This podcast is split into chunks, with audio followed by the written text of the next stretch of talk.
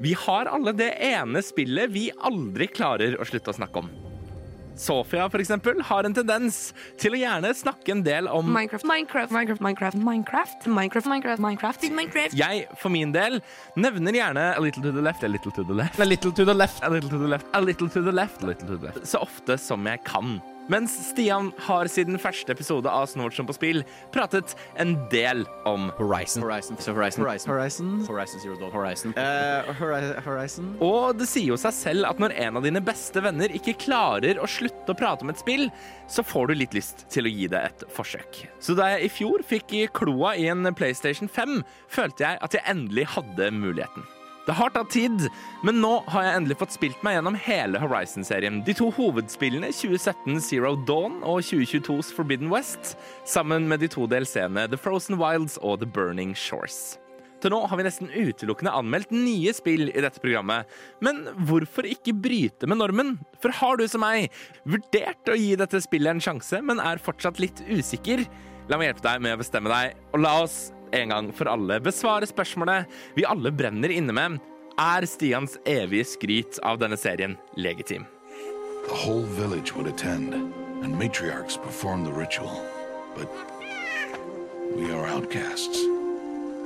Even so, we keep the tribe's rituals.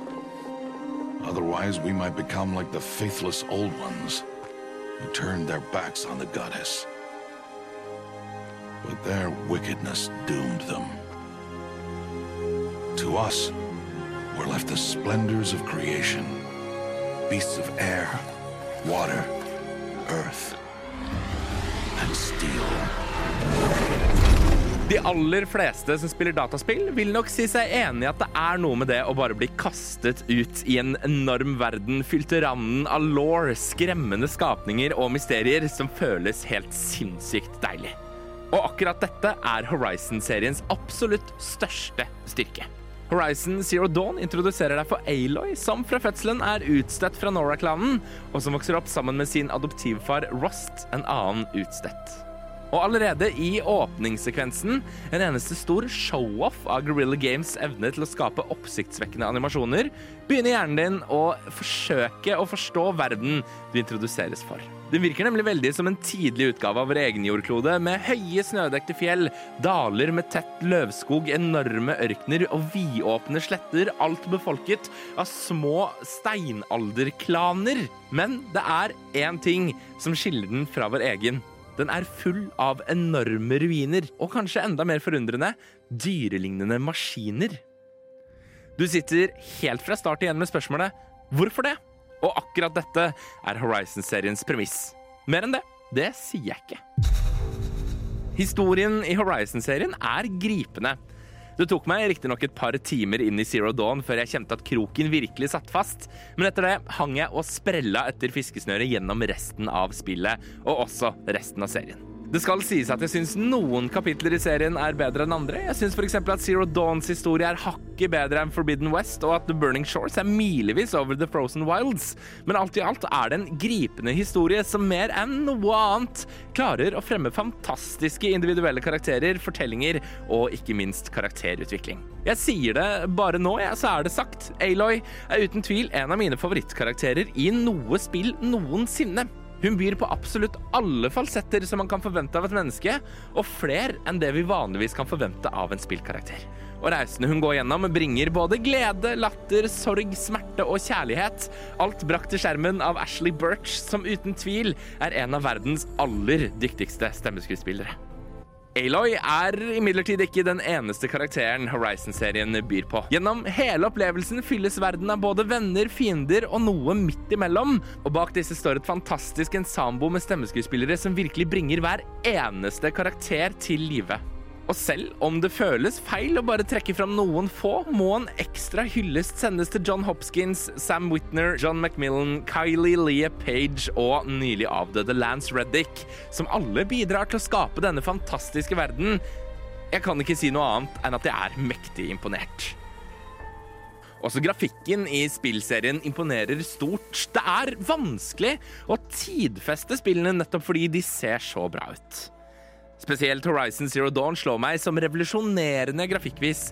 Jeg blir nesten sur på mine egne livsvalg som gjør at jeg spilte meg gjennom Assassin's Creed Origins med sin dog vakre, noe begrensede grafikk, samtidig som andre mennesker kunne nyte grafikken i Zero Dawn. Og etter å ha blitt blåst av banen av det første spillet, la Forbidden West meg virkelig i bakken.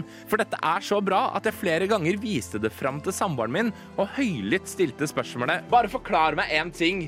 Hvordan kan spillgrafikk bli bedre enn dette? Fordi det er vanskelig å se for seg hvordan man kan lage noe som ser nydeligere ut enn det Forbidden West gjør. Noe som kommer ekstra tydelig fram idet du dykker i spillet.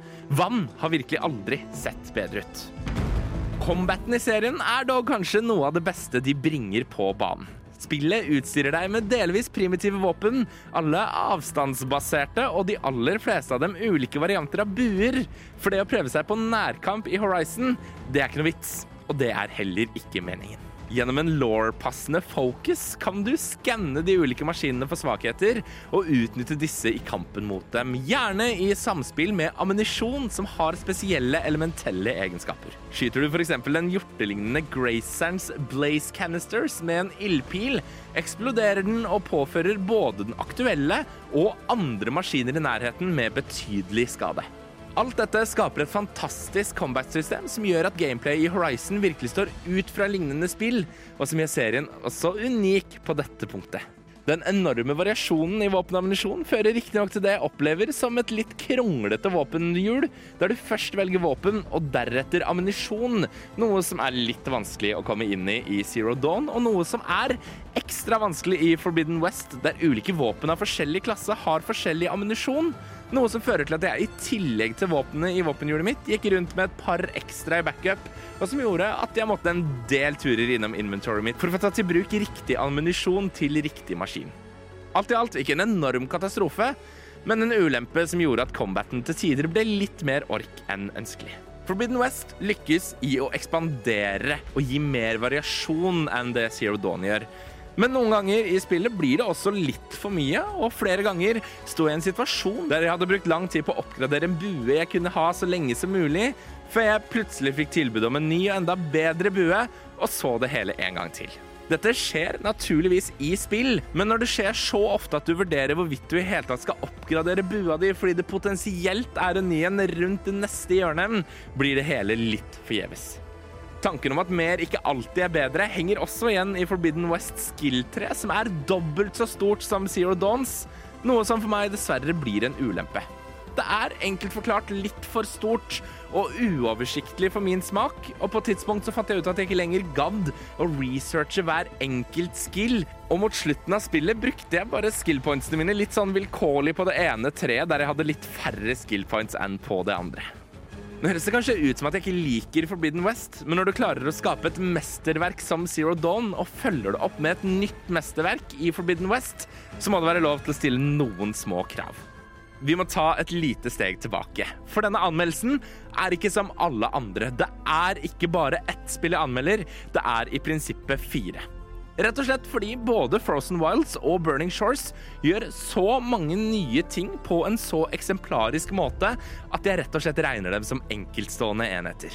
Dette gjør at mens det er lett å trekke de lange linjene på ting jeg liker, så blir det vanskelig å trekke for ting jeg f.eks. ikke liker i Zero Dawn, fordi disse tingene ikke finnes i Forbidden West, og vice versa. Det hadde vært enklere å sette én karakter på hvert enkelt spill enn det det er å sette en helhetlig karakter, men akkurat som Aloy kaster jeg meg inn i noe totalt ukjent og gir det et forsøk.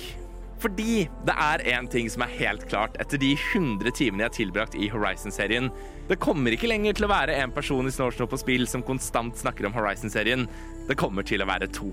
For det helhetlige inntrykket av denne serien er helt fantastisk, fordi det er en helt fantastisk spillserie som formidler et mysterium og en historie som gjør enormt stort inntrykk, med en grafikk som er lamslående og uforståelig, og med et gameplay som er helt sinnssykt engasjerende.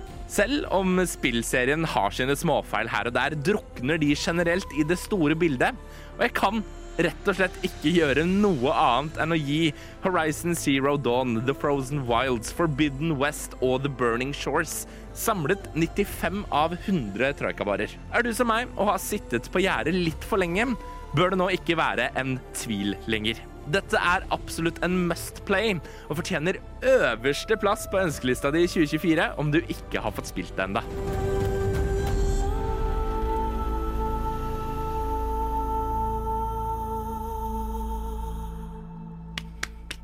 Sånn, da var det gjort. Stikker og legger ned 100 timer til, jeg.